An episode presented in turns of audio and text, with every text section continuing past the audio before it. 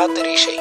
ملاحظات العبد الفقير إلى الله محاكيكم هو أول من يقع فيه في خاطري شيء. حنا كويسين بس إذا نقدر نصير أحسن ليش لا؟ في خاطري شيء. حياكم الله. ما أعرف من وين أبدأ حلقة اليوم. قبل ساعات كنت مع صديق وكلامه أجبرني أني أغير موضوع حلقة اليوم. صاحبنا كان يفطر رمضان الماضي كل يوم على سفرة والدته. يستمتع بأطايب أكلها ولذائذ مائدتها هالرمضان صار صاحبنا ينتقل ويتنقل كل يوم من عزيمة خال لعزيمة عم لعزيمة خالة إلى إفطار عند قريب. وفي أيام كثيرة بين هالأيام ما يلقى إلا المطاعم يفطر فيها لحاله. تدرون ليش؟ لأن أمه ما شهدت رمضان هالسنة. لأنها الله يرحمها توفيت قبل رمضان بكم شهر. صاحبنا يقول والله ما همني أني أفطر كل يوم في مكان وحالة هالشتات اللي أعيشها ما هي بمشكلتي أبدا. ما يوجع قلبي شيء أكثر من أني أتذكر أنها راحت الله يرحمها وأنا ما شبعت. تدرون من إيش ما شبع؟ ما شبع من أمه.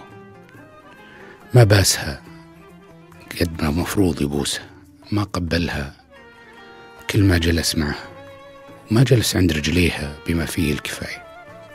ما دلعها ولا دللها ولا غنجها مع حفظ مقامها واحترامها. ما قال لها في كل فرصة أنه يحبها ودعالها يا جماعة الخير الفرصة قدام كل واحد يحظى بوجود أمه لازالت مفتوحة. لا تفوت هالفرصة استفد من هالغصة اللي في نفس صاحبنا في نفس كل واحد. الله قدر لوالدته أنها تموت.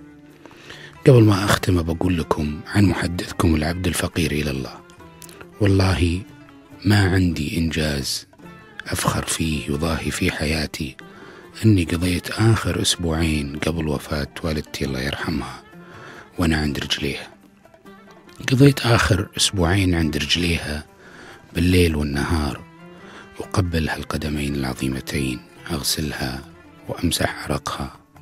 ومع ذلك أحس بأني مقصر.